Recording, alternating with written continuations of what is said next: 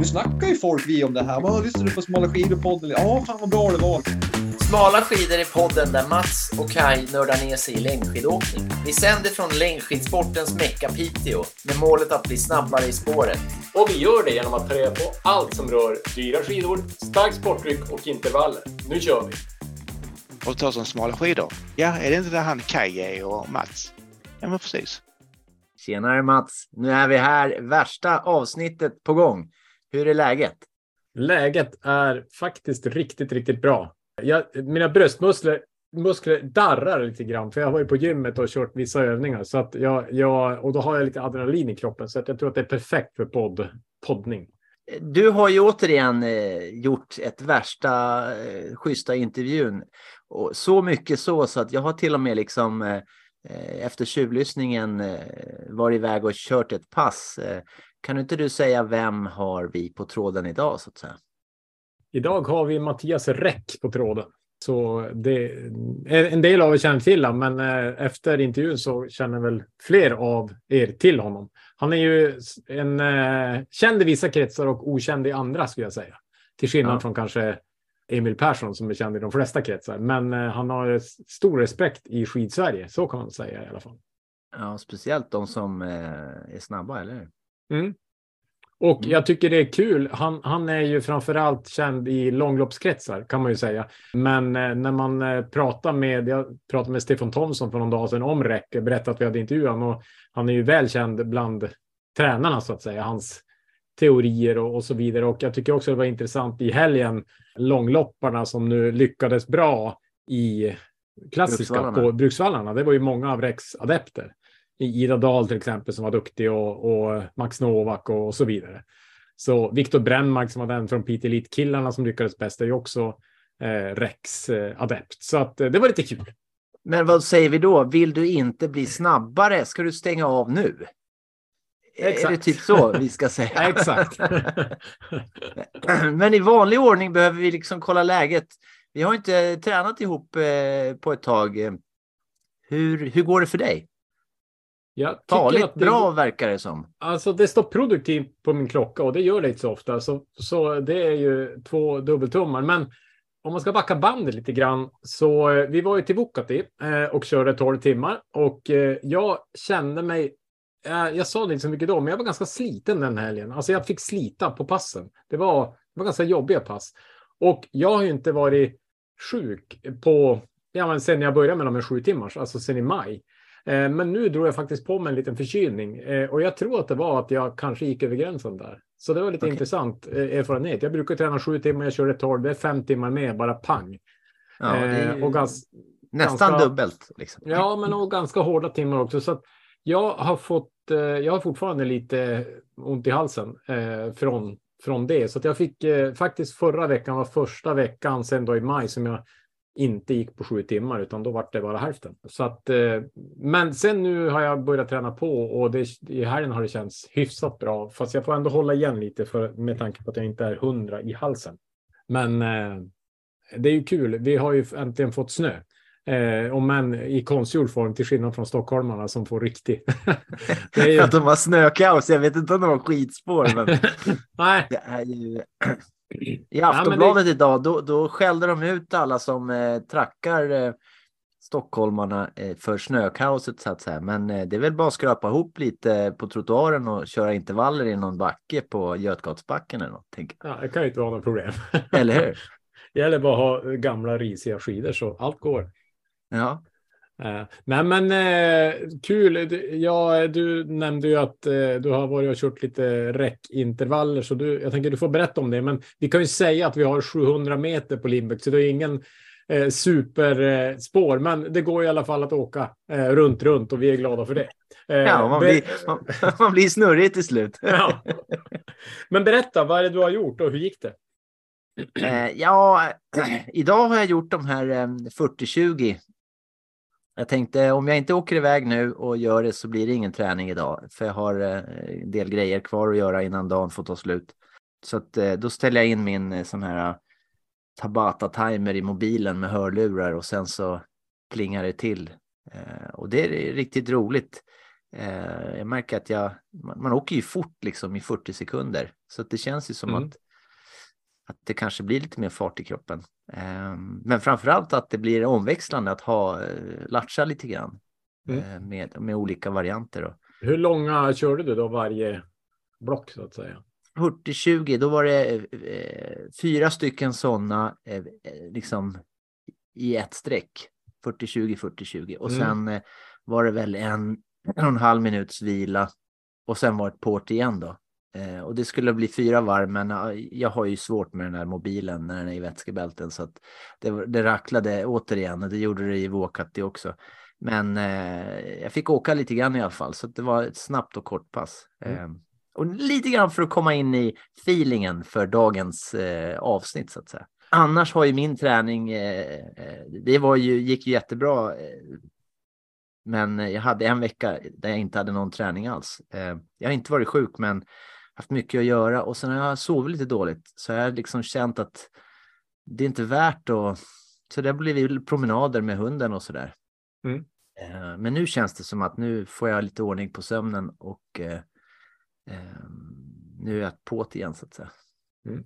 Ja, men bara en kommentar på dina räckintervaller. Så, så eh, om, om nu, man kan ju eh, lite grann som summerat ur intervjun innan vi nu ska sammanfatta den, så all träning är bra träning. Så jag tror eh, det där var ju jättebra intervaller. Det, det jag förstod av de här 40-20, det är att han kör dem i block typ 10 minuter, 40-20, tre stycken sådana till exempel. Eller 3-12 minuter. Och då tror jag, det jag gjorde var att jag hade ingen sån här 40-20 klocka, för det, det blir ju för knepigt. Så jag, jag körde mer så här att jag kollade några gånger ungefär på en bana vart, alltså vart intervallerna kom. Och så hade, jag Nice. på- och så hade jag 12 minuter som intervalltid och så sen 3 minuters vila och så 12 minuter. Men jag tänker att egentligen kan man lägga upp det lite som man vill. Det, grejen är att det ska vara variation och lite kul. Så att eh, jag tänker, eh, vi körde ju 10-10 där i Vuokatti. Det tycker jag också var roligt. Eh, Så här, det handlar ju om att reta kroppen på annat sätt, så att det är väl superbra. Verkligen. Snyggt. Men eh, ska vi rent utav kasta oss in i intervjun? Eller vad säger du? Ja, det tycker jag. För alla, så. som vill, för alla som vill bli snabbare. Annars eh, får man inte lyssna så att säga. Nej, exakt. Och det är tur att vi inte har för många lyssnare, för då skulle vi få problem med att sida upp oss här i, i vinter. Ja, men har du sett? Det, är ju, det, går, det går undan nu. Eh, Jag tror att det är 52 000 bara. Det rasslar bara på eh, statistiken. Så det är ju roligt. Jag tror att det är fler som har börjat ta fram skidorna nu när snön börjar falla. Och, och ett tecken också på att vi har nya lyssnare att jag såg vårt första avsnitt försäsong hade 50 lyssningar nu i november. Och det är ett tecken på nya lyssnare. Så det är jättekul.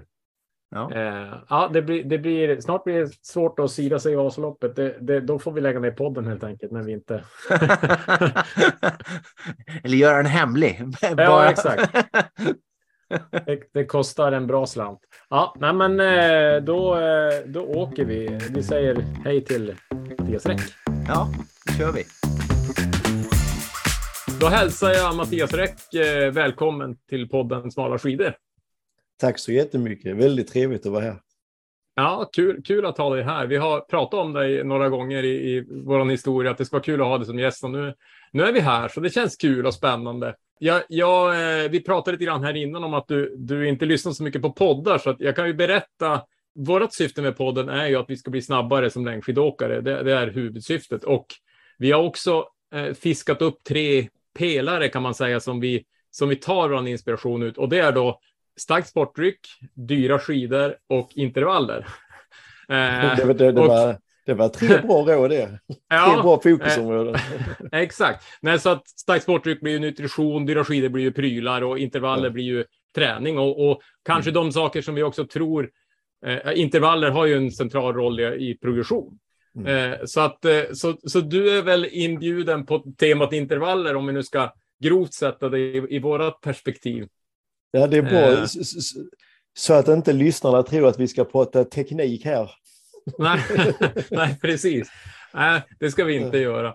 Men du, jag tänkte först, jag började höra talas om dig för några år sedan kanske när du började jobba med Ramudden långloppsmässigt. Men jag tänkte, kan du inte berätta om din bakgrund, vart du kommer ifrån och vad du gör till vardags och så där, så vi får en liten koll på Ja. dig först. Med tanke på, vår, på våra olika dia, dialekter, din och min, så Mm. är det ganska många mejl ifrån våra hemtrakter. jag är från Ängelholm, men, men, men har bott i Göteborg i över 30 år. Jag blir eh, 52 här i november, så att större delen av livet har jag faktiskt bott i Göteborg. Jag är SO-lärare. Jag är alltså inte ens idrottslärare, utan jag är SO-lärare. Men liksom började odla ett stort, nästan eh, nördigt intresse för att läsa allt jag kom över kring konditions och uthållighetsträning.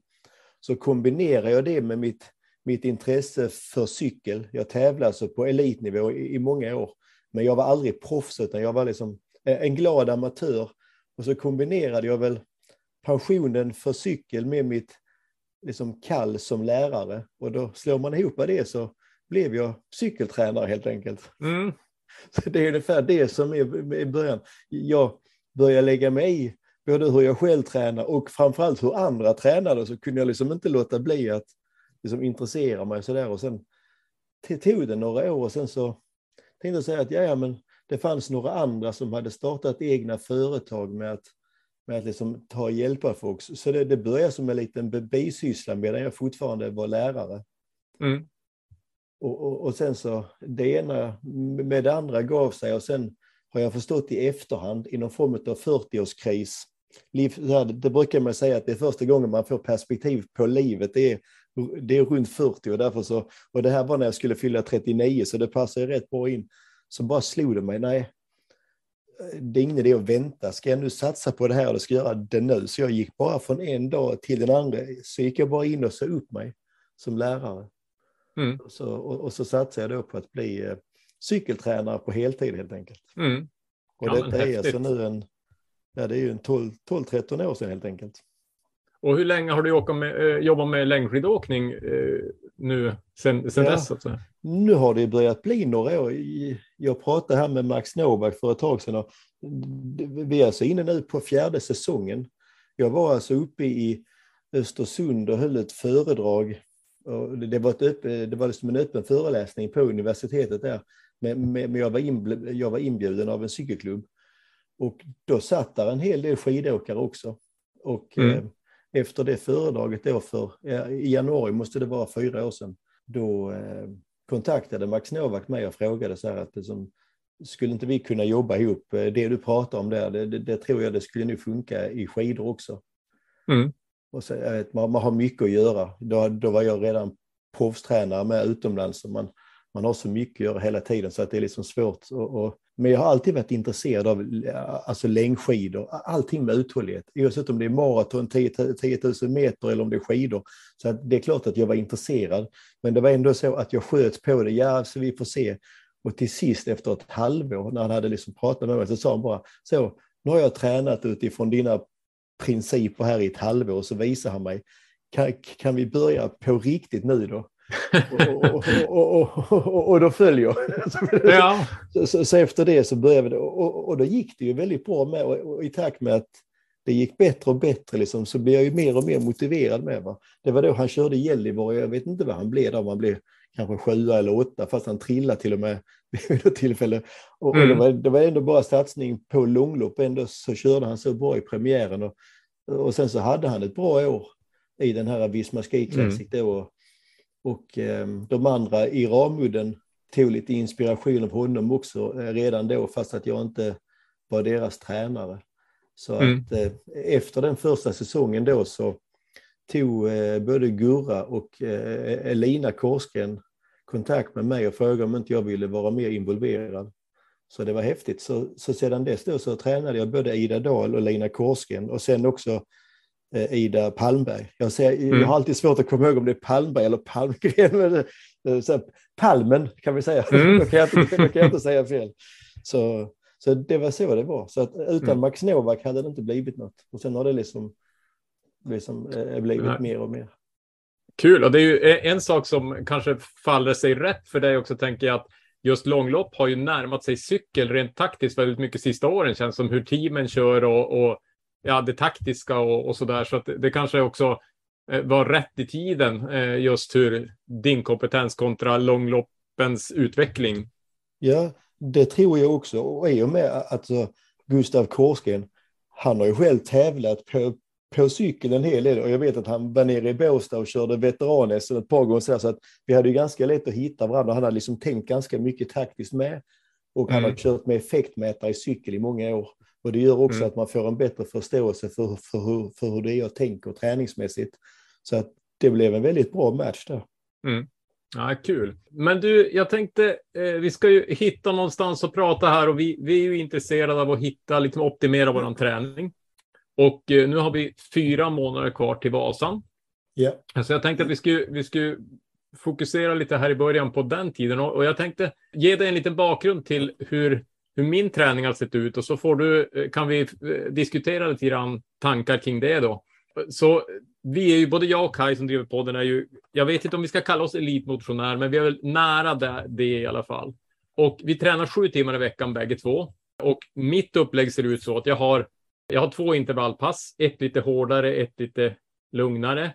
Jag har ett långpass, eh, jag har ett löppass och ett styrkepass. Det är grunden kan man säga varje vecka ungefär. Och långpasset kanske är två och en halv timme, oftast rullskidor eller vanliga skidor, cykel ibland eh, när, inte det finns förutsättningar och så. Och, och så har det varit sedan maj kanske, så att jag har tränat sju timmar i veckan konsekvent tills nu. Jag har gjort, eh, jag har gjort lite laktatmätning med tre månaders mellanrum och ser en, en bra progression eh, på det jag har tränat. Och jag har haft lite snack med Jo- Jocke Abrahamsson, eh, han var gäst i podden, så det var då jag fick det här upplägget. Och det vi har gjort nu är väl att vi, vi har, eh, av de två intervallpassen så har vi gjort det ena lite hårdare här i höst och det andra lite längre. Eh, och eh, som det har sett ut så har det varit oftast tröskelintervaller, kanske eh, gånger fem minuter eller åtta gånger fyra. Du vet, klassiskt eh, upplägg på, på tröskelintervaller. Så att där, där är vi nu så att säga. Så, så eh, dels kanske om det, du har någon respons på det, men framför allt så här, hur ska vi tänka här nu för att bli så bra som möjligt eh, i början på mars? Jag kan ju säga, till att börja med, så här, så här har jag tränat eh, sedan maj månad. Och, och det är ju det, för en skidåkare så är liksom, alltså försäsongen och uppbyggnadsträningen och allting är ju väldigt lång. Det, Mm. det, det kan man säga, man börjar träna i maj och så, och, och, och så räknar man maj, juni, juli, augusti, september, oktober. Det är ett halvår. Då har, Mm. liksom, då, har du, då har ni väl fortfarande, alltså det finns väl fortfarande knappt någon snö och inga tävlingar. Så om man tränar Nej. liksom ett halvår, det betyder att det är verkligen inte bråttom. Nej. Att det, det, och det, det är faktiskt lite samma sak i cykel. Folk börjar träna i november efter ett halvår är det bara slutet på, på mars, april och då har säsongen inte börjat än. Så att det man ska tänka på det är ju det här liksom att det finns ju så, så många som kan gå upp i sin, sin träning otroligt mycket väldigt tidigt. Så, så att man liksom kanske nästan mentalt hamnar i någon form av liksom nästan mental trötthet eh, när det väl är dags att liksom axla upp.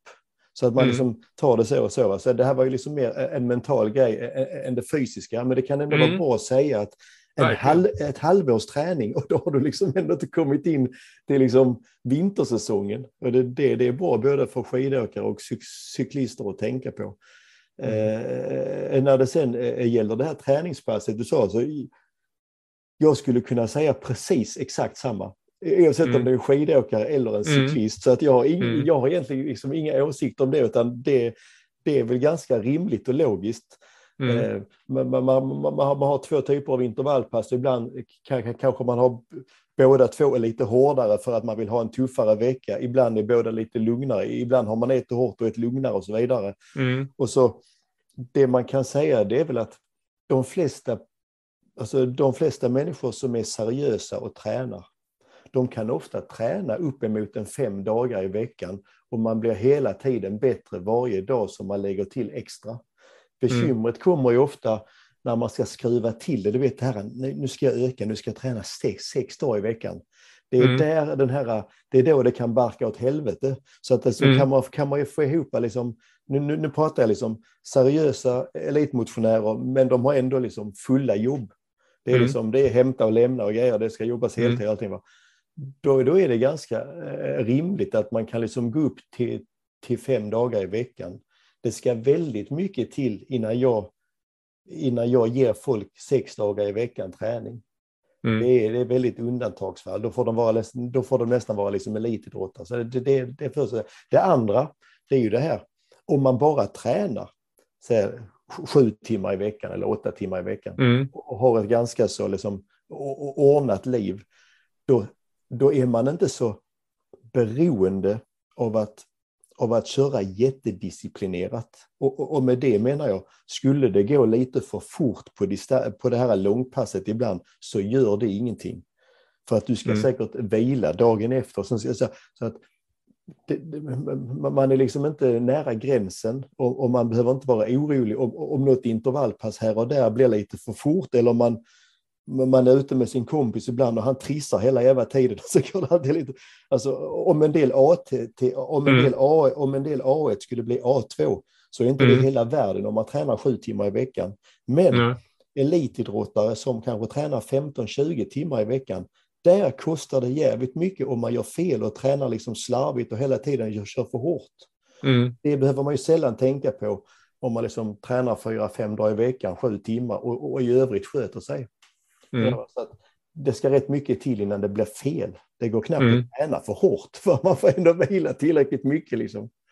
Nej, men det, det är bra. Jag hade faktiskt en, en, en, en fråga som, som berör det där lite grann. Jag tänker, när man, när man pratar med många tränare så de är ju ganska van fokuset på just de, de här eliten då, som tränar 20 timmar i veckan kanske. Och då är det ju mycket rekommendation att just det där, de långa passen ska vara så lugna och att det är så viktigt. Och, Mm. och jag förstår det om man har tusen träningstimmar, då, då måste man ju liksom, eh, man kan inte belasta kroppen. Samtidigt så känner jag, som för min del, när jag nu har tränat på bra under en längre tid, för det har jag inte gjort förut, jag har varit mer upp och ner förut, så, så känner jag mig eh, inte så sliten. Eh, eh, det är sällan jag känner mig sliten egentligen, även när jag kör hårt. Alltså jag, jag, jag tycker att jag känner mig pigg och orkar med jobbet och så där. Så att jag tänker att jag, jag tänker så här, skulle jag kunna gå på hårdare och få mera progression så att säga? Eller ska jag liksom fortsätta den här, kanske förhoppningsvis uppåtgående kurvan som inte är så snabb? Det är, ju- det, det, är, det är ju trevligt att höra att du har kommit dit och att du liksom har kommit upp på en sån nivå att du kan träna ganska, alltså ganska, ganska mycket och bra f- utifrån dina förutsättningar och så känner du, dig stark och pigg. Och ofta Mm. kan man nästan, ett, låt oss säga att, att du blir intervjuad av någon kvällstidning och så, och, och så frågar de sådär liksom, du ska ge tips till motionärer.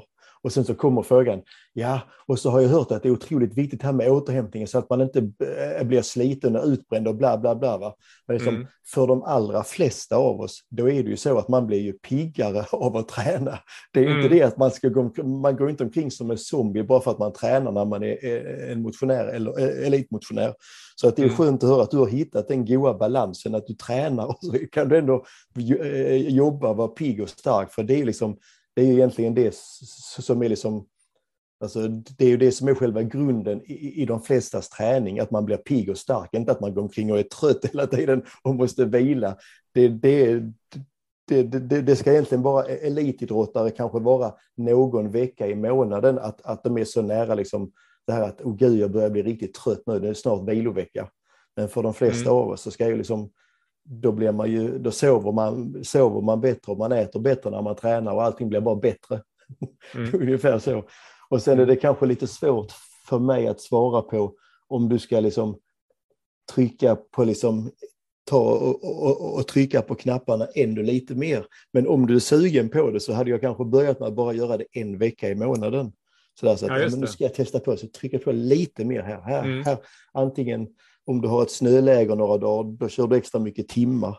Någon Mm. annan vecka när du har kanske lite mindre tid, men ändå där, då kanske du lägger på tre intervallpass bara för att testa.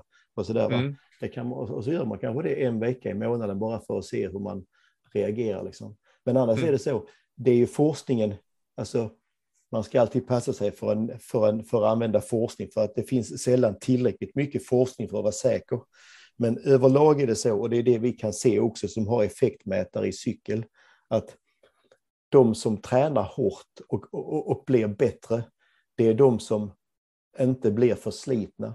Det, vet, det, Mm. finns, en- det finns en sån här myt att man måste gå djupt ner i källaren för att man ska bli riktigt bra och få riktigt höga toppformer. Men Mm. det, än så länge kan man i alla fall inte bekräfta det med forskning. Och våra erfarenheter som ju ändå kan, kan mäta arbete väldigt tydligt med effektmätare, så ser vi också det att de som liksom får bra säsonger och bra progression, de kan träna hårt i perioder, men de har fortfarande liksom, alltså de har fortfarande bra tryck i pedalerna. Självklart är man trött, men det går fortfarande fort. Mm. Man ska inte hamna där att man är trött och sliten och, och, och pulsen är låg och, och, och, så kommer man knappt framåt. Det där, där vill du inte vara. Det är, bara, alltså, det är ren tur om du kommer upp och liksom kommer till något normaltillstånd. Än, ännu svårare att överhuvudtaget få formtoppar. Så det här med att, Mm. att liksom gå omkring och knappt känna liksom att men gud, jag kommer knappt framåt. Det, det är inte bra för någon. Utan man kan träna hårt men kroppen svarar ändå. Mm.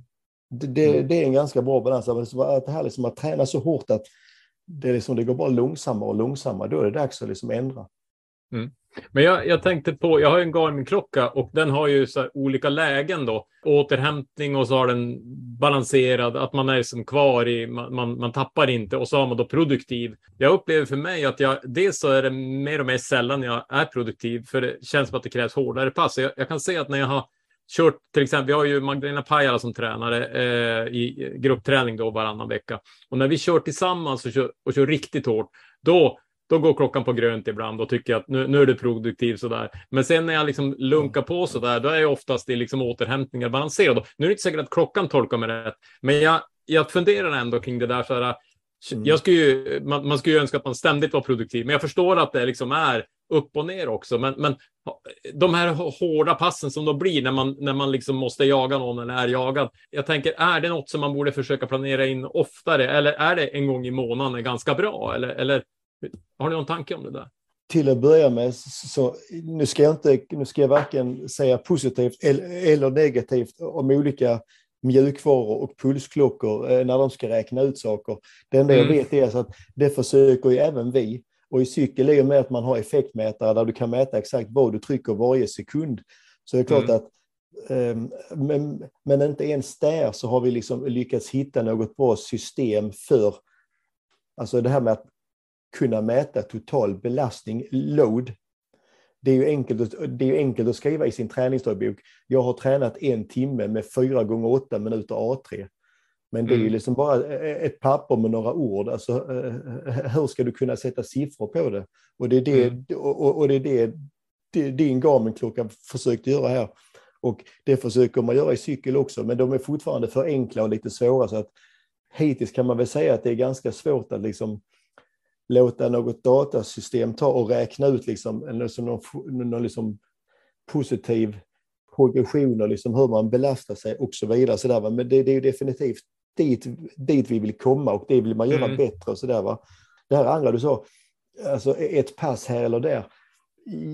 Jag tror absolut så här.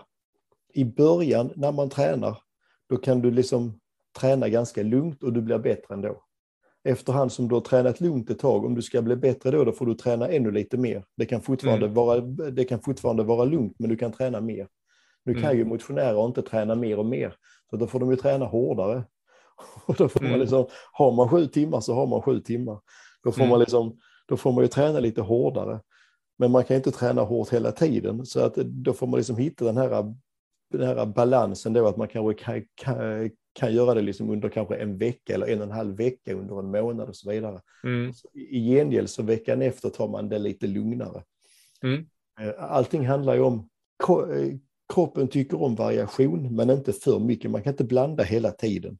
Så att man försöker liksom stegra successivt och sen så när man liksom kommer i bättre och bättre form, ja, då, då krävs det mer och mer att reta kroppen. Om Mm. du är van att träna två intervallpass i veckan hela tiden och så har du gjort det eh, sedan maj månad.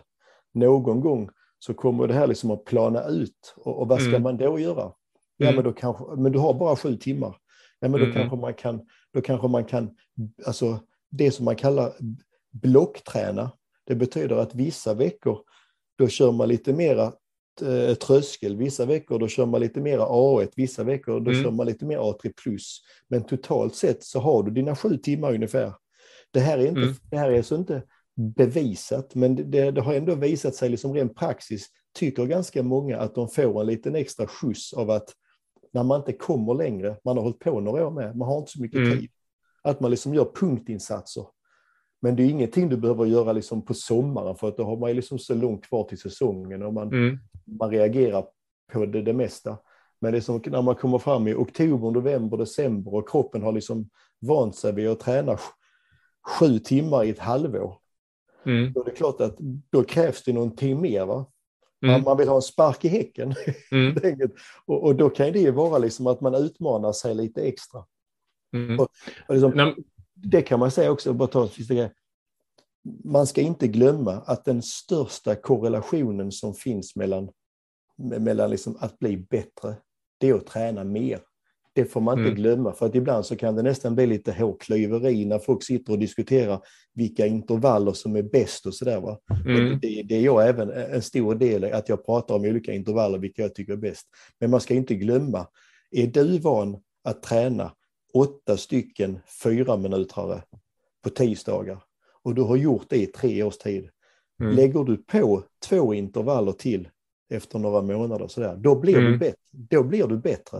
Är du Mm. van att köra eh, två timmar långpass och nästa år så kör du två och en halv timme, då blir du bättre. Så enkelt är det. Det är självklart att någonstans kommer det att plana ut. Var ska jag lägga nästa timme om jag redan tränar 12 timmar? Varje Mm. timme eh, ger mindre och mindre. Men för de allra flesta av oss är det så att kan man hitta tid till att köra en intervall till eller en halvtimme extra långpass, då kommer det att bli Mm. bättre. Svårare än så är det inte.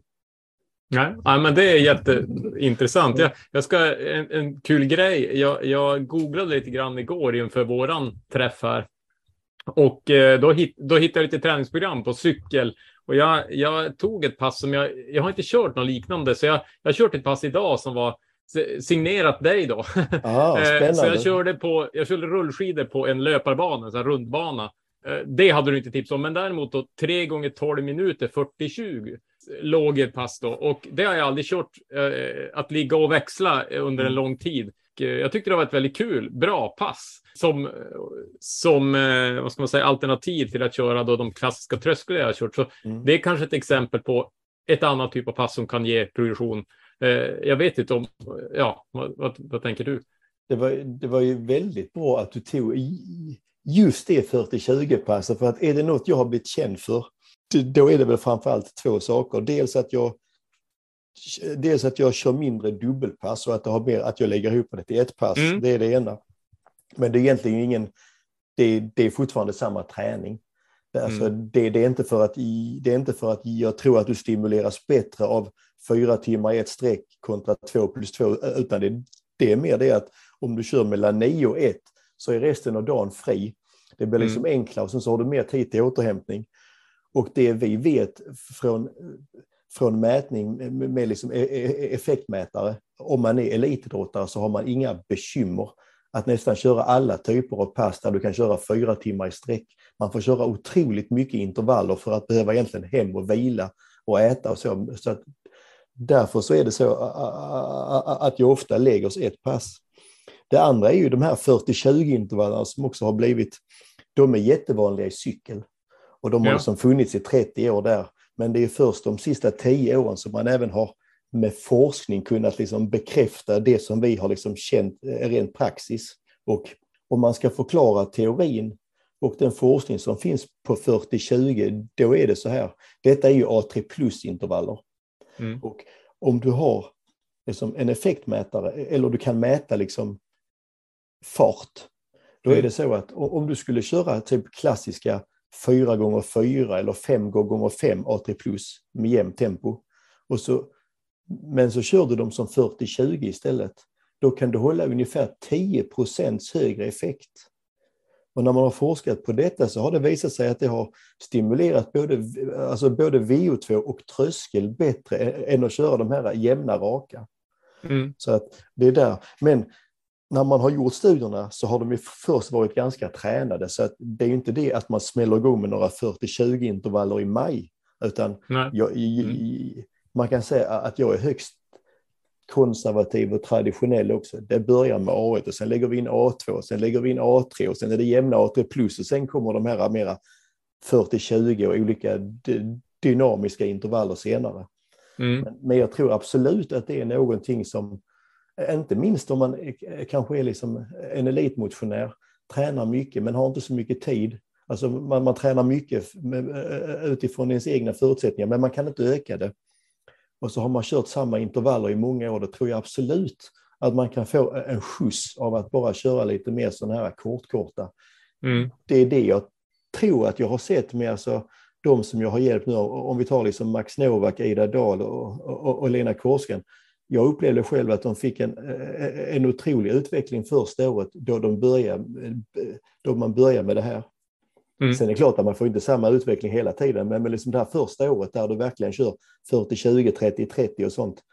Mm. Jag upplever eh, både de och jag att, att, att det verkligen hände något.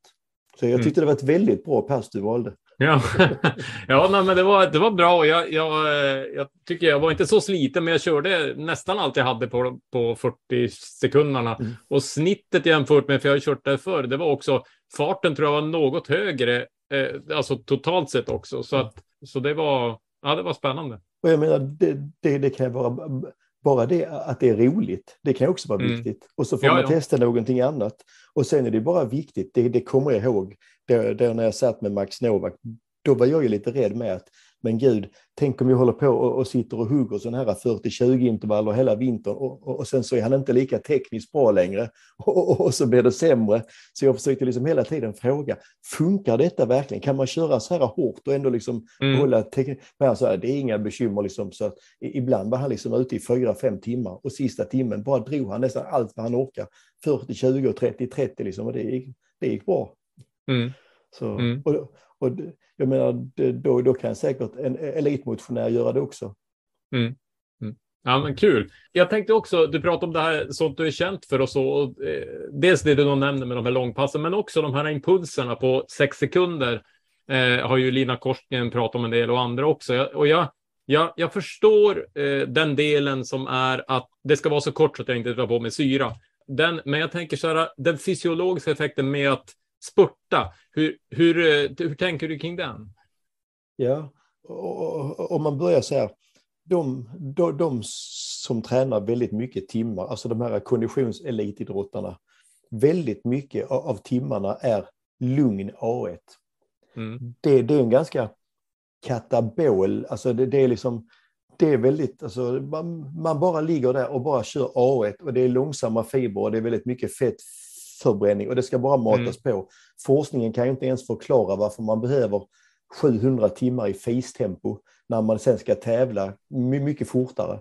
Men det Mm. verkar vara någonting så, så, så som liksom gör att för att få liksom stadig, eh, stadig, pro, stadig progression på sin karriär och också att få liksom en jämn hög formtopp som inte dalar så fort, då, då krävs det liksom ganska mycket sån här mängdträning. Mm. Och ytterligheten åt andra hållet, alltså om ytterligheten åt ena hållet på energisystemen är lugn distansträning, lugna långpass, då är ytterligheten åt andra hållet, det är ungefär som att gå ner på gymmet och köra liksom knäböj fem gånger fem tungt. Tungt Mm. och ex- explosivt, det är liksom ytterligheten åt andra hållet. Och de kan du kombinera väldigt bra. Och det är det man gör när man kör korta spurter på sex sekunder. För att liksom, alltså, det, det är nästan som att det är en liten anabol injektion. Det är liksom, du blir pigg. Så på de här långpassen, när man börjar bli som tröttast och segast i huvudet, tar du och lägger in en liten spurt var femte minut, så kommer du märka att du blir piggare. Så att Mhm. det, det låter rätt otroligt och jag vet det är ofta när jag är nere på träningsläger och så berättar man detta för nya cyklister. Men gud, vi börjar bli helt slut här. Ska vi verkligen börja spurta nu? Alla bara Mm. sitter helt tysta, va? Bara, bara sitter och stirrar ner på styret. Och så börjar vi spurta lite grann och så tar det 20 minuter och sen börjar alla skoja och prata och babbla igen. Mm. Så att det har liksom, dels är det alltid bra att liksom träna lite kort och explosivt. För att det är liksom Mm. lite anabolt sådär. Va? Och det är alltid bra att liksom spurtträna lite även om man är en diesel eller en klättrare eller vad det är. För att i tävlingssituationer är det ganska ofta du måste liksom hänga med på ett ryck och sen då, du kanske ska vara med och spurta där eller hänga med där så att inte det kostar för mycket. Så att det, Mm. det, det är bra för flera olika saker. Och det kostar ingenting. Du kan lägga in en spurt varje kvart i fem timmar. Du kommer inte tycka det är jobbigare att, köra ditt fem timmars A1-pass ändå. Men, när det gäller skulle- det, eh, ja. Nej, men jag tänkte sen när det gäller hur ofta. Ja, ja, vi har testat köra var 20 minut någon gång sådär. Men är det, det, man kunde lika gärna köra var tionde minut. Alltså det, det kostar ändå inte så att säga. Eh, eller finns det, alltså, finns det Ja. någon?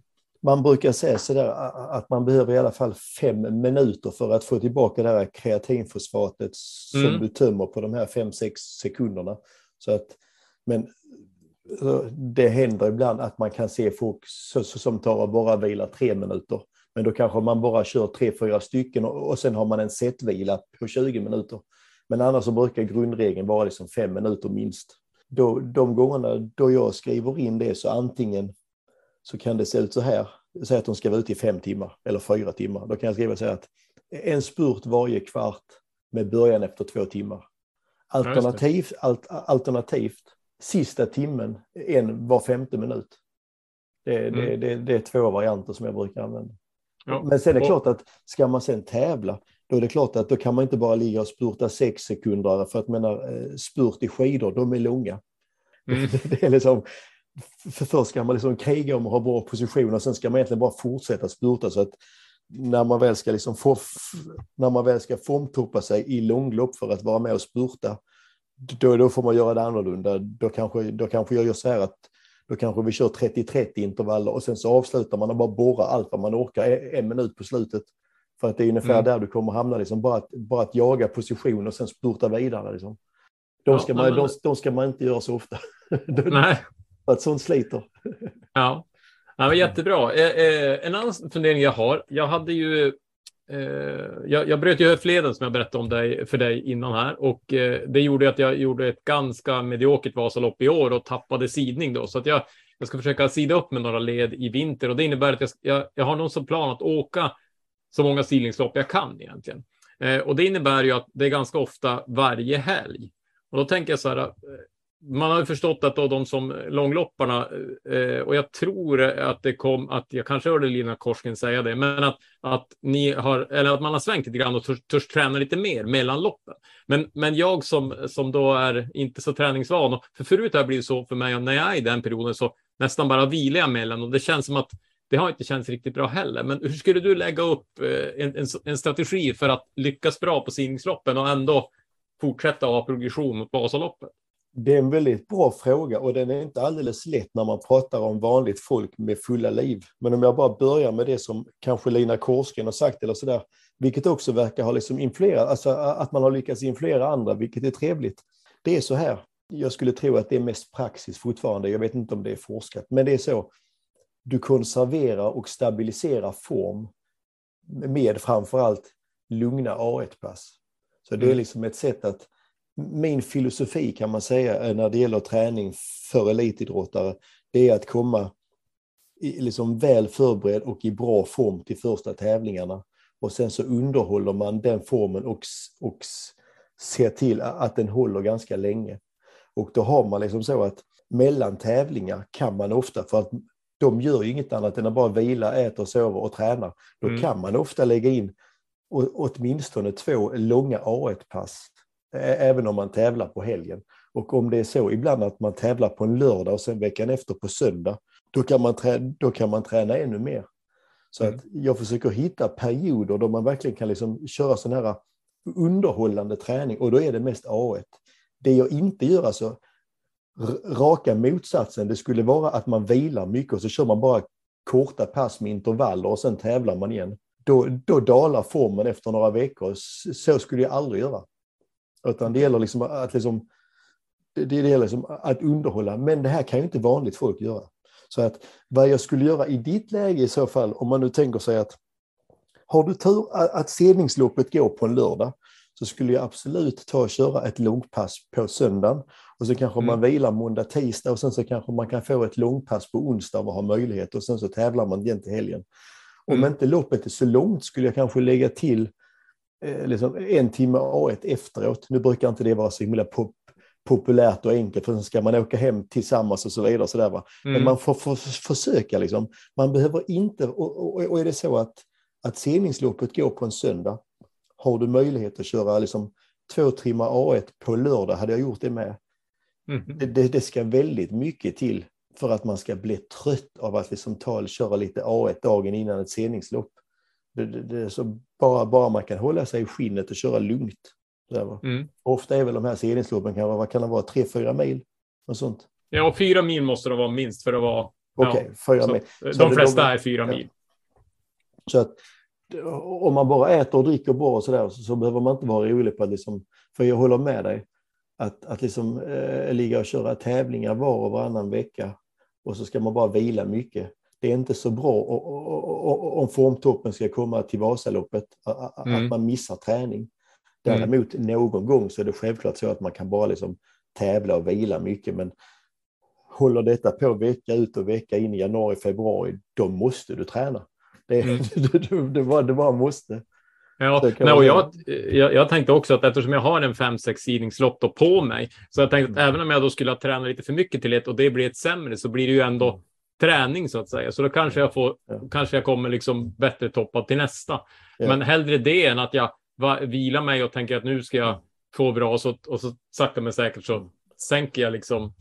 Och det är inte säkert att du skulle gå sämre heller, även om du liksom tränar. Många blir förvånade att, att det, är som, Mm. det där att man måste vila varandra. Vet, det är mycket så här att man måste vila så himla mycket hela tiden. Men det är som, om man är van att träna sju, åtta timmar, liksom, vet, det är ju ganska vanligt.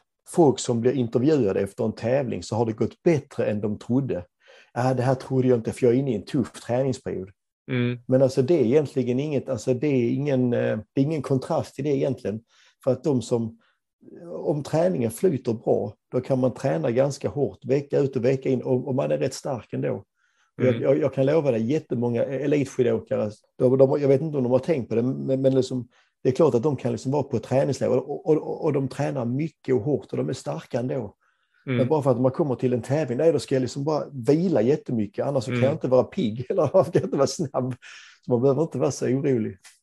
Nej, men jag, jag, jag har faktiskt reflekterat över det där. Till exempel är Maribom på, på rullskidor. De kommer från något hårt träningsläge med landslaget och så går de och vinner. Och det hade hon inte trott själv. Alltså det är ganska vanlig kommentar så där att de har kört hårt. Och, Det man kan säga då, det är att då har hon haft otroligt bra balans på det träningsläget. Har hon, Mm. tränat, hon har tränat mycket hårt, men det har varit på liksom rätt, eh, alltså det har inte varit för mycket. Det, det, är, det är trevligt att höra. mm. Ja, nej, men det är spännande. Jag, jag tänkte också styrketräning tänkte jag. Hur, hur, eh, hur skulle du tänka där? Eh, sett över, om man säger, jag, jag har försökt träna en gång i veckan ganska mycket. Jag har haft lite hjälp av Stefan Thomsson, men, men ganska mycket så balans och, och mage och för att få ihop. Jag är ju en gammal kontorsråtta, så jag har ju lite att jobba med när det gäller kroppen. Då skulle du Eh. se min kutiga, smala överkropp. Ja, vi har nog samma profil då kanske. Nej, men, så att, så att, men jag tänker så här, framöver, hur, hur, eh, har du något råd Ja. att ge där? om, man, om man bara tar det så här lite, lite historiskt perspektiv så ska man inte glömma att om man tittar tillbaka på liksom skidåkning för 20-30 år sedan, då hade de ju då var, då var det inte ovanligt att de hade ännu högre testvärde, att de hade liksom ännu, större, ännu högre syreupptag. Men Mm. de hade inte riktigt lika stark överkropp och kunde inte staka lika, lika mycket och snabbt och, liksom lika, lika kuperat.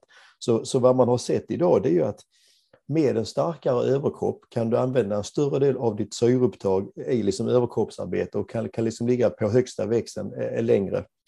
Mm. Och jag vet inte, eh, nu vet jag inte var liksom, vilket startled och vilken, vilken placering på Vasaloppet slutar man staka hela. Det kanske du kan berätta för, det kanske du kan berätta för mig.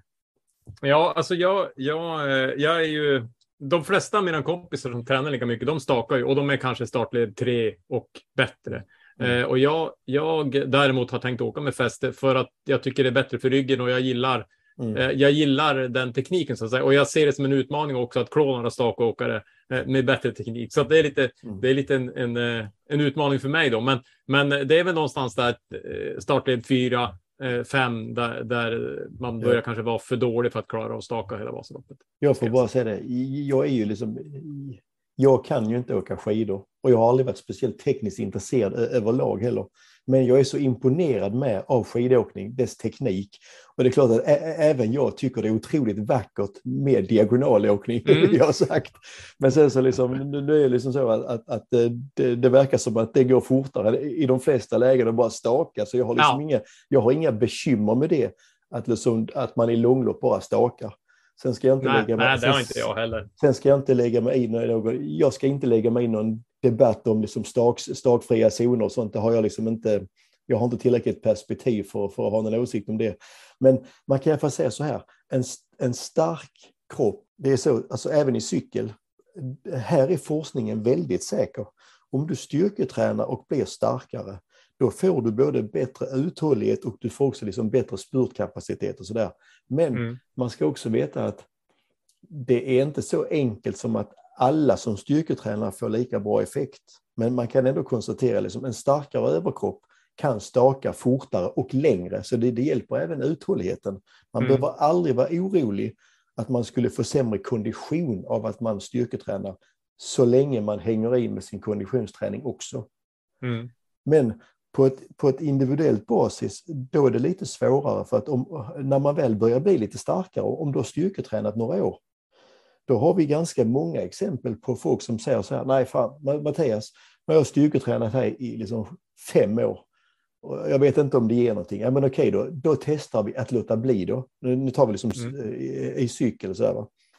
Och så märker vi ingen skillnad. De är fortfarande lika bra på alla parametrar. Ja, men då Mm. behövde de styrketräna mer. De har Ja. liksom kommit upp till en nivå. Så att, men om inte man är van att styrketräna och kanske vet med sig att man är lite klen i överkroppen, då ska man ju absolut testa och styrketräna och se vilken Mm. effekt man kan få. Och framförallt när man börjar bli äldre, då tappar man ju också styrka mer än när man är Mm. yngre, så att då blir det ännu viktigare. Va? Men som sagt, generellt sett, är man inte van vid det, då ska man testa och göra det. Liksom det som behövs för att staka. Men har man styrketränat i många år och redan är stark, då kanske man snarare ska fokusera på något annat. Mm. Och väldigt många skidåkare känner ju säkert en, en, någon som är bra på, på teknik och så kan de fråga dem, om du ser mig så här, vad tror du jag behöver mest? Mer teknikträning eller mer styrketräning? Så kan de säkert säga, men man ser ju här att du faller igenom, du måste styrketräna mer. Eller så, Mm. så att Mm. eh, man har säkert folk runt sig som kan hjälpa en lite grann. Mm. Nej, men det, det där har vi pratat en del om i podden också, att eh, om man tittar på Emil Persson eller någon sån som hans teknik eh, kan vi inte som vanliga amatörer göra för att det kräver för mycket muskler och kontroll. Så Mm. vi får ju ha en annan teknik och det gör ju att vi inte blir lika effektiva. Vi kan inte ha lika mycket tyngd på staven och så vidare. Så det är Mm. klart att eh, ju, ju mera kontroll, styrka, eh, rörlighet vi har, Mm. desto närmare kan vi komma en bra teknik. Och det är Ja. också, och, och sen det, det, det andra frågan här, för det här är verkligen en av de svåraste frågorna eh, när man är tränare för vanligt folk som har liksom fulla vuxenliv. Mm. Det ena det är hur mycket långpass kan man göra? Det andra det är hur mycket ska jag styrketräna? För att det är inte alla som har liksom ett gym hemma i källaren, utan då blir det så här, hur mycket ställtider, hur mycket kostar det? Om man hatar att gå till gymmet, ja men då kanske inte vi ska göra det, även om det hade varit bra. Så där, va? Och, och, och, och den andra här, hur mycket, hur mycket långpass ska man ge någon?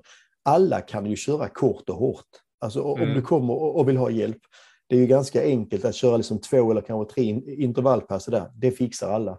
Det stora frågetecknet är, klarar, hus, klarar husfriden av att man kör liksom eh, långpass både lördag, söndag eller ska bara köra söndag och så vidare. Och så vidare? Det är Mm. det stora kruxet, de här två. Mm. Nej, det, det, det är jag helt med på. Mm. Jag tänkte också, eh, det här med längdskidor, du, du har ju jobbat nu, om vi då säger tre och ett halvt år eller någonting, enligt, som du sa. Mm. Är det något som, som du har liksom fått ändra uppfattning om, eller som du har lärt dig på den här, just eh, till skillnad från, för du har jobbat ganska länge med cykel, eh, att, att det skiljer något, eller att du har utvecklat kanske, eller till och med kanske tagit något till cykel, som du har, eller liksom, finns det något, något att berätta här? Ja, det var ju så, när jag kom in i skidor, då visste jag ju ingenting om skidor. Så, så det, det tog ju mig något år att förstå vad det var som jag eh, gjorde annorlunda mot Mm. vad, eh, vad, vad man gör i skidor. Och bara det har ju varit väldigt trevligt att liksom få se på likheter och skillnader.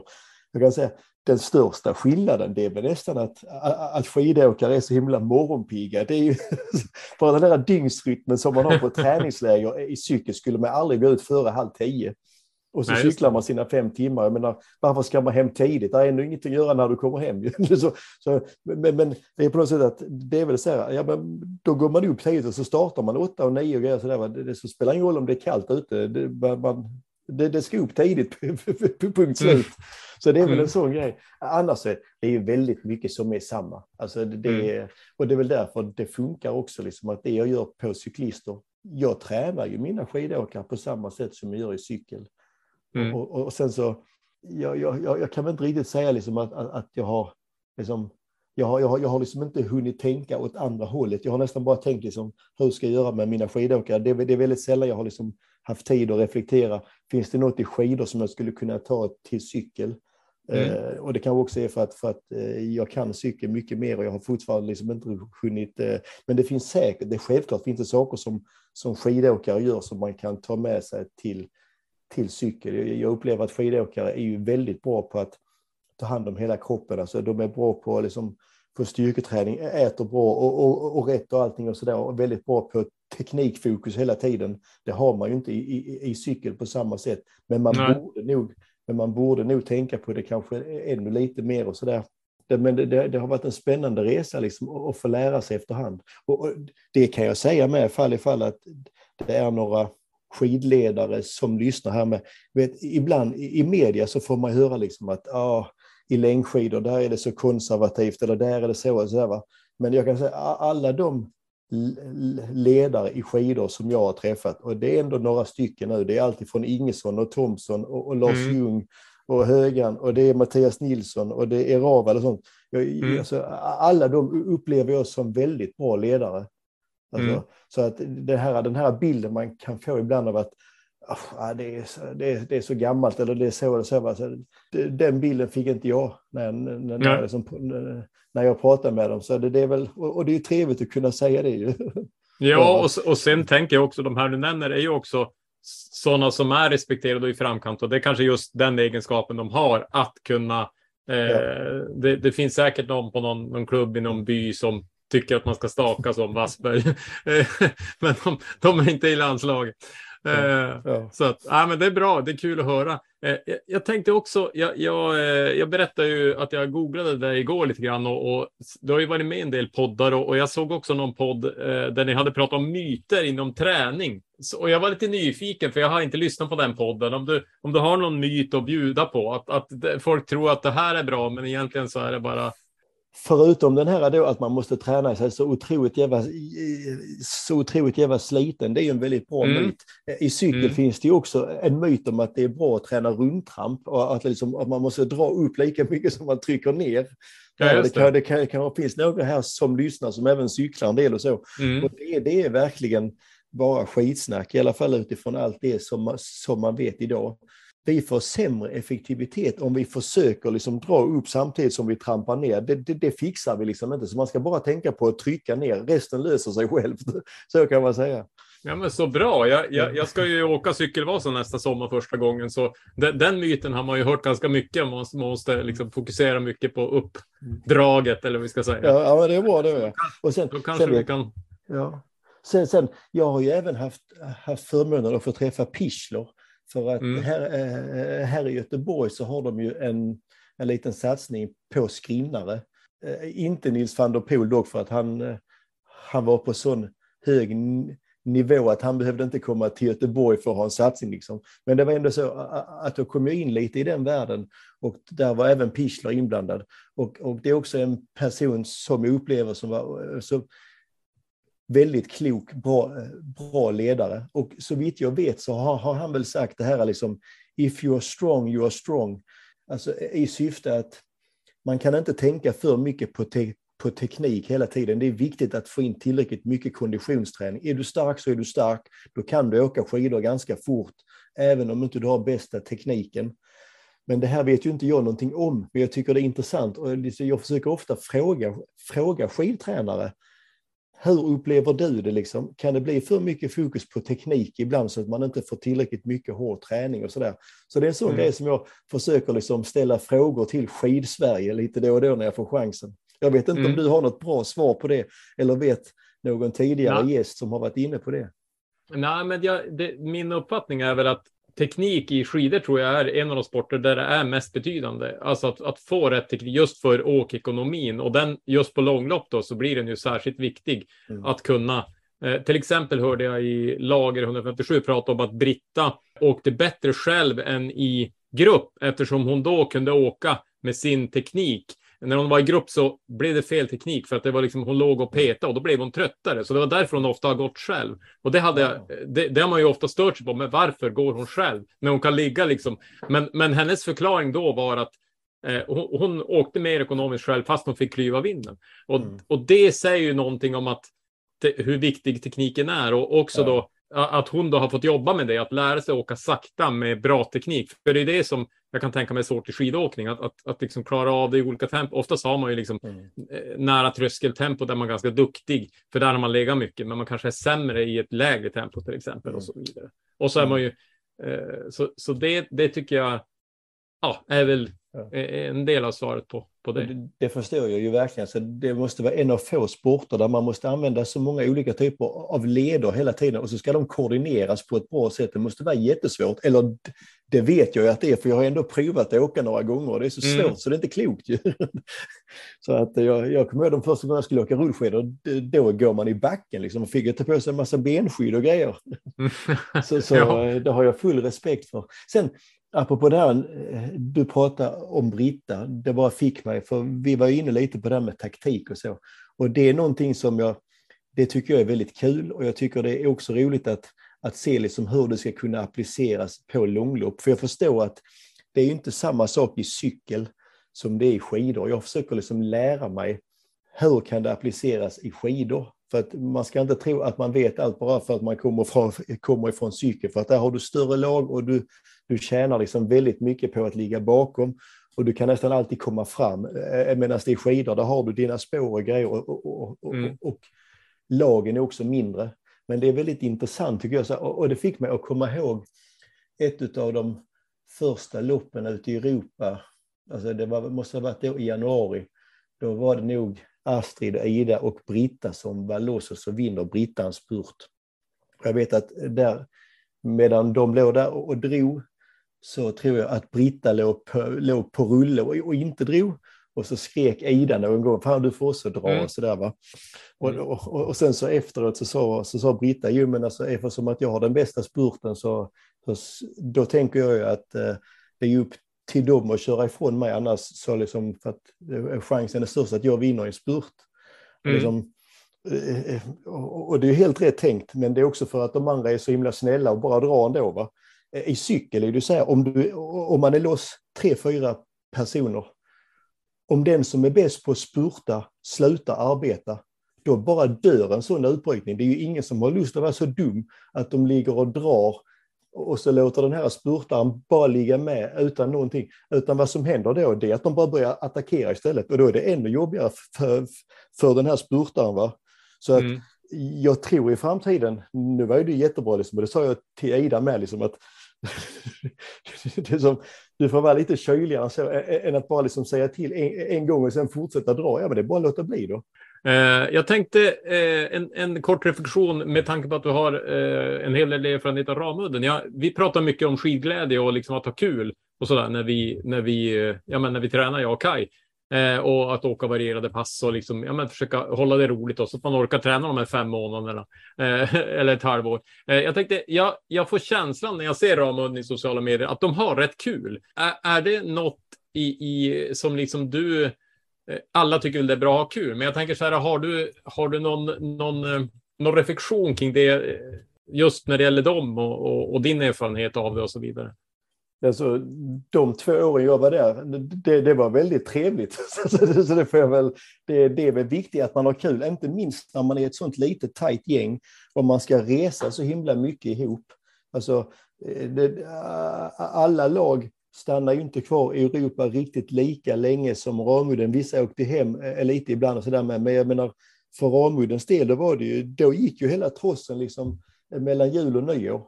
Och sen Mm. åkte de ju inte hem förrän efter, eh, förrän efter Jizerska. Och det är ju liksom i mitten på februari typ. Så Mm. det är klart att då ska man bo väldigt tajt väldigt länge och man, och man lagar mat tillsammans och man tränar tillsammans. där. Så att det är ju verkligen viktigt. Så att Mm. Eh, tänk om man inte skulle ha kul då, liksom, det skulle ju påverka prestationen. Mm. Så att, eh, Sen, sen, sen, eh, sen, kan jag inte ta på vad det är som gör att de lyckas så himla bra med att skapa den stämningen. Men, men det, det är liksom det lyckas. Jag, jag är inte med mycket alls, det ska man ju veta. Jag är liksom Nej, jag- tränare på distans och, och jag har kommit ner och hälsat på på Marcialonga och på, och på Vasaloppet bara. Mm. att, Ja, men jag eh, tänker, det, det jag funderar på är ju, alltså det är ju klart att det är roligt att ha kul liksom. Men jag tänker så att det fysiologiska tycker jag är intressant. Att, att jag tänker att det ändå frigörs ämnen som gör dig snabbare och starkare. Även om vi kanske inte kan mäta det, men... men eh, Det jag- kan jag- man. jag- Det, det, det finns studier som visar att den som har en mer positiv inställning alltså, och är mentalt stark och så där, de kan ju kränga sig över en backe flera gånger med samma höga intensitet än den som bara liksom tar och tvivlar och inte trivs. Mm. Var- Varför håller jag på med det här liksom? Så att det, det, det, är väldigt sant. Mm. Det, det, är, det är viktigt. Och jag kan tänka mig med det där, va? det är väl ett klassiskt uttryck, framgång föder framgång och, och, och, Mm. och så får man ett gott go allihopa. Va? Så att under ganska många veckor där så gick det ju bra för hela laget. Där, va? Det är Mm. liksom, och så kör Herman bra, och så Johannes, och så Max, och så Lina, och så Ida, och så bara Mm. rullar det på. Liksom. Mm. Så att det, det, så är det säkert, även om inte jag är någon expert på, på mentala faktorer. Liksom. Bra, alltså jag tänker att vi har hållit på nu ett tag. Jag tänkte, jag, jag, du har ju en, eh, någon typ av träningssajt där ni hjälper skidåkare, bland annat som heter Guided Heroes. Ja, Eh, du kan väl, med tanke på att du har bjudit på bra kunskap här, du, kan väl berätta lite om, om eh, det upplägget, om det är någon av våra lyssnare som skulle vara intresserad. Ja, men det, det tackar jag så, så mycket för. Det är så att Guided Heroes, det är egentligen liksom, det, det är jag som är huvudcoach och så har jag några duktiga coacher under mig. Så, så är det liksom ett coachingföretag som, som utifrån från min filosofi och, och min erfarenhet så försöker vi hjälpa så många som, som har lust att komma till oss. Och det är därför jag kunde inte klyva mig själv, så därför så blir jag huvudcoach. Och så har jag tagit in folk som jag tycker som är bra på, på att liksom tänka enligt mina, mina, min filosofi. Och Mm. eh, för till, det är klart att vi, vi, vi är ju sprungna ur cykel. Men i och med att jag nu har börjat med skidor också så finns det faktiskt, det kan jag slå ett slag för. Vill man träna enligt mina principer som jag även liksom använt då på Max och Ida och Lina och sådär, så har jag något som heter Vasahjälten. Och det är Ja. liksom ett standardprogram för folk som tränar ungefär sådär 7-8 timmar i veckan och satsar liksom på topp 1000, topp top 500. Och det kostar ändå bara 795 kronor i månaden för att få Mattias Rex tankar. Mm. Och, det är, och det är ingen bindningstid heller, så man kan prova en månad och sen kan man hoppa av om man tyckte att det här var inget för mig. Mm. Så att, och, och, och där är det så att alla mina sådana här tankar kring när man ska trycka på lite extra i månaden, vilken typ av intervaller, när ska jag köra 40-20, när ska jag köra raka åttor, allt Mm. sånt, det får man ju där. Så, Ja, jättespännande. Jag är helt säker på att du kommer att få någon prenumerant här bland våra lyssnare och de kommer säkert att vara jättenöjda. ja, det, var, det var Eh. väldigt trevligt att höra att jag fick chansen att berätta det. Ja, men du Mattias, då, då säger jag tack för den här pratstunden. Ja, tack så jättemycket. Det märks att vi hade riktigt trevligt ihop. Ja, verkligen. ha det bra. Tack, tack. Hej, hej. Det här måste vara topp tre, eller hur Mats? Vi gör alltid topp tre nu för tiden. Ja, du är på pallen jämt. Ja, det här var Nej. riktigt bra. Ja, men det var, jag, jag tycker själv, jag har lyssnat på det en extra gång faktiskt eh, i, för någon dag sedan och eh, det, är, eh, det, är, det känns som att han har lite bakom pannbenet, den där Mattias. Räck. Ja, men han verkar ha en riktigt skön person. Mm, verkligen. Eh, Det känns som att de som är duktiga är hyfsat ödmjuka. Det brukar höra ihop. Ja, ja, men det är lätt att vara ödmjuk om man är bäst. Det kanske är så. Eller? Jag vet inte. Du har, du har, du har aldrig provat?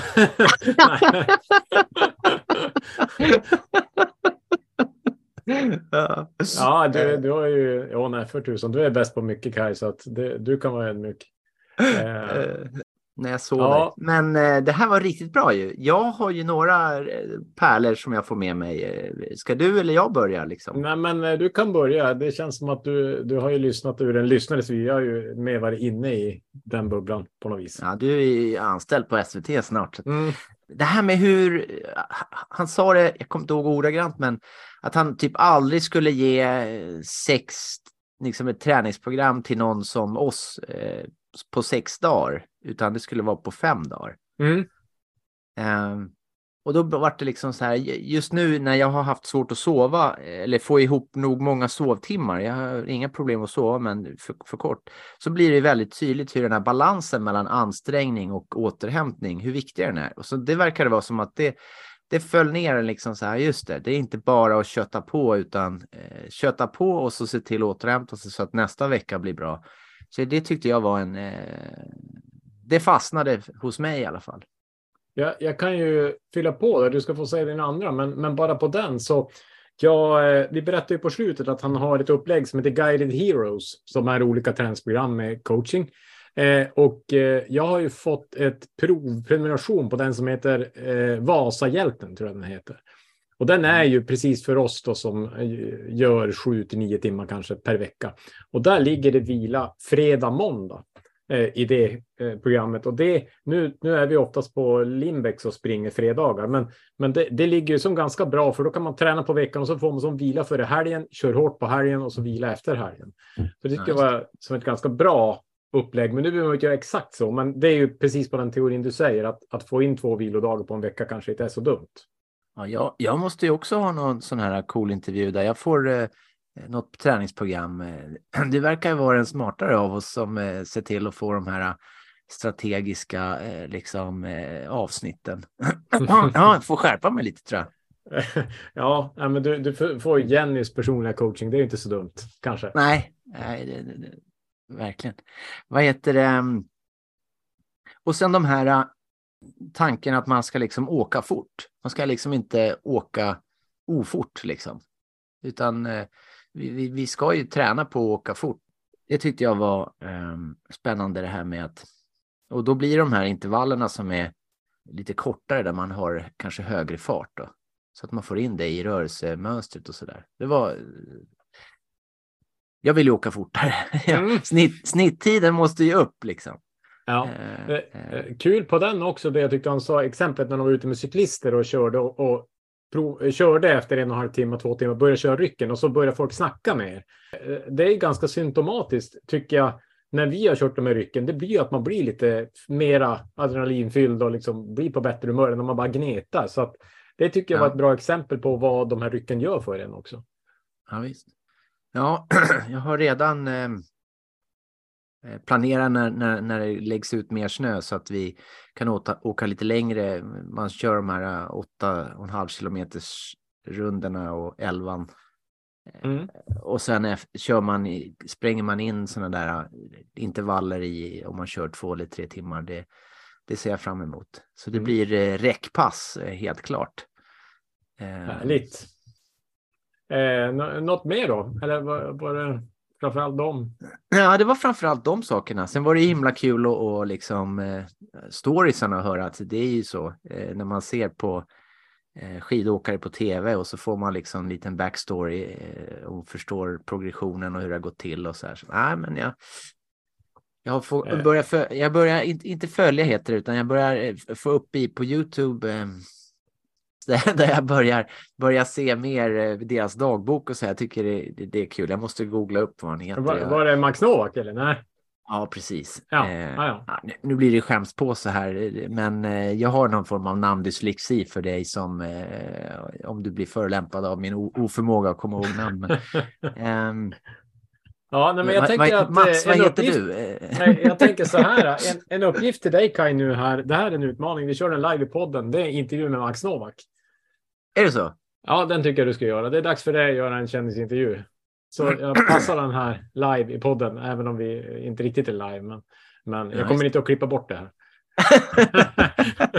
ja, men jag är nervös. Jag var lite ja. kallsvettig så här på kvällen. Ja. Ja, men jag får väl eh, googla fram hans eh, telefonnummer också. Ja, absolut. Det kan vi, annars kan säkert vi kontakta REC och så får han passa vidare om det behövs. Men, men vi, ja, vi men ni börjar inte hjälpa mig nu. Jag får faila själv först. Ja, ja, ja. Fail fast. ja, nej men eh, coolt. Jag, jag eh, lyssnade som sagt en gång till då efter jag hade gjort den och jag har också några reflektioner. Och en är direkt passning till dig Kai faktiskt. Ja. För han sa så här, gör man 57 timmar, eh, inte 57 utan 5 till 7, så behöver det inte vara så disciplinerat. Det vill säga, det går inte att träna för hårt med så mycket återhämtning. Så att det var ju lite dubbelt det där med vilodagarna. Att, att han menar som på att om du kör ett hårt pass, det är ett hela världen. Jag tänker, du har ju varit ganska mycket på din vakt nu på sistone att inte köra för hårt. Eh, och Ja. jag tänker så här att det här var en liten passning tillbaka. Att ha kul någon gång om du måste. Det är inte hela världen för att du har ändå liksom du kör bara fem, sju, åtta timmar i veckan. Du hinner vila. Eh, så att eh, det, det kanske bara förvirrar, men jag tyckte det var lite intressant att han ändå kastade in den. Så.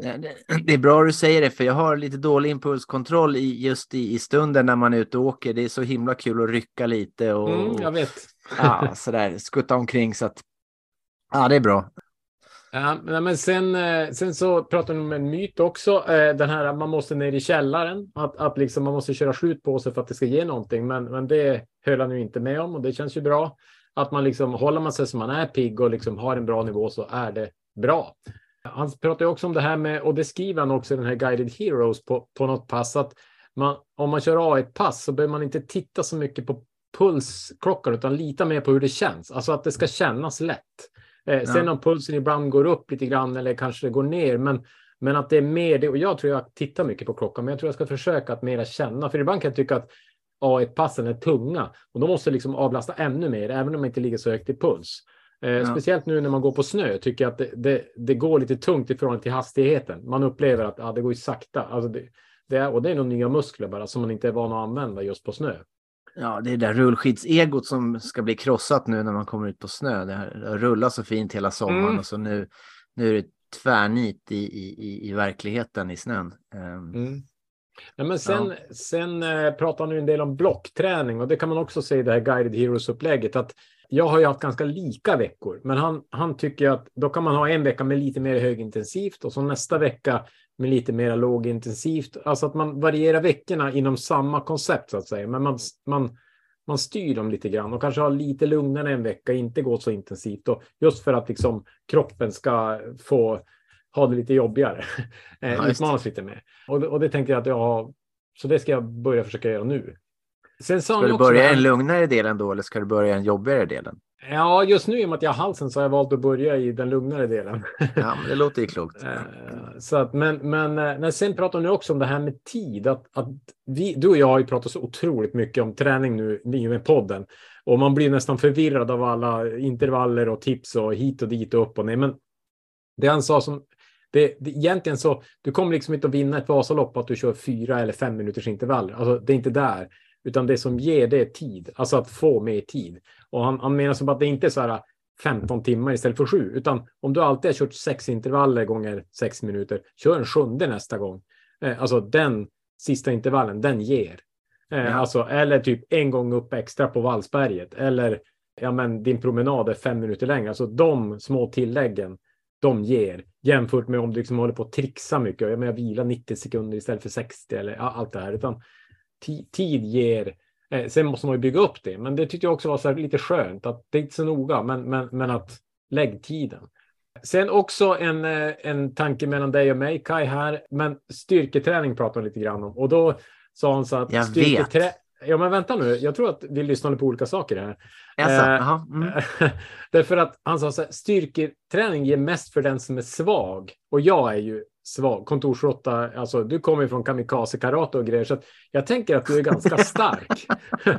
Eh, så att jag, jag tror att jag behöver mycket, mycket mer styrketräning än dig. Alltså det ser man ju om man, är, om man liksom in, inventerar våra kroppar. Så att, eh, han, han menar som att de har gjort någon test med någon som var vältränad som liksom slutat styrketräna och, och, och fortsatt åka skidor. Och hade man liksom en bra byggkropp så var det inte lika viktigt som för en som är ganska klen. Så jag, jag tror att du klarar det Kai. Det var min bedömning av den där. Jaha, du, du Eh. förstör ju hela... Alltså jag har ju byggt upp här. Jag har liksom fått bett om hjälp av min son och vi ska styra upp, vi ska träna tillsammans, jag ska få till det här. Och så nu har du ju öppnat en dörr där jag bara kan kliva ut och bara jag lägger ner. ja, jag men det finns ändå säkert någonting i det där, men jag tror att det kan, eh, jag ändå skulle må bra av det. Så att Ja, ja, ja. Ja. Nej, men sen kör du ju lite så här stakstyrka och sånt som inte jag gör, eh, som jag tror också ger bra, liksom rätt muskler och så där. Men, ja, men bara intressant. Jag, jag, jag tror att eh, jag, jag, min konstatering blev i alla fall att jag behöver styrketräna. Eh, och sen får du eh, göra hur du vill. Ja, luften är fri. Eh, Eh, ja. Men och, och eh, sen det, egentligen det sista medtaget där var ju, vi pratade lite grann om det här med sidningslopp och ska man träna mellan och hur bygger man upp och så där. Och egentligen det jag gjorde för någon säsong sedan när jag virade ganska mycket mellan varje sidningslopp och, och fram till Vasaloppet så blev det ju mycket, mycket färre timmar för jag skulle hela tiden vila och att liksom fortsätta hålla timmarna och istället liksom låta, därför att man kan göra tävlingar när man ligger under hög belastning. Och det kunde man ju också se i Bruksvallarna i helgen, långlopparna som ligger då under en tyngre träningsperiod, eh, eftersom de ska toppa formen om en månad ungefär. De presterar ju ändå bra. Eh, så att eh, jag, jag tror att man kan göra bra stigningslopp även om man liksom tränar på. Så det, Ja. det ska jag försöka göra i vinter, att inte vila så särskilt mycket. Kanske någon gång prova, men, men jag ska ändå träna på. Det är plan. Och vad hette han som vi eh, träffade i Orsa eh, där eh, som gick från led 4 till eh, led 1? Eller Tobbe. Åhman, va? Tobias Åhman. To- Ja, precis. Han, hade, han sa ju också det där att han, Mm, han körde på. Mm. han körde på eh, och så klämde han in sidningslopp men att han vilade inte något mer utan han hade samma. Och det har ju gått bra för honom så att eh, Ja, Ja. precis. Nej, han kanske vi ska ta och kolla upp hur det går någon dag här också. ja, Eh, ja verkligen. Ja, nej men eh, med, med det sagt så var det mycket, många bra, bra medskick. Och jag hoppas att ni som är nära mig i sidningsled inte lyssnar så mycket.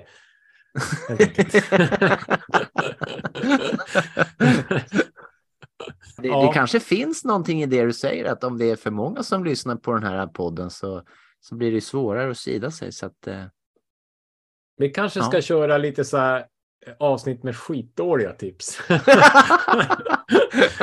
Så här, lu- luras. Eh, Ja, Ja. ja, typ så här, jag har hört att ostkrokar är det grymmaste man kan äta. Eh, för en tävling. Och, ja. Nej, men, eh, sen eh, Guided Heroes, som sagt, eh, jag ska ta och visa dig Kaj också det, det jag har fått och det, det som ligger i appen. Det är faktiskt riktigt bra. Bra verktyg. Så att det, det kan väl den som känner att man, om man är sugen på något mera så här, anpassat för Vasaloppet, kolla in på sajten. Jag tror den heter Guided Heroes. Bra, annars så hoppas vi på tusen följare på Instagram. Vi börjar väl närma oss 850 eller något sånt där. det borde gå fort nu. Ja, det borde gå fort. Om alla tar en kompis i handen så, så är det löst tills imorgon.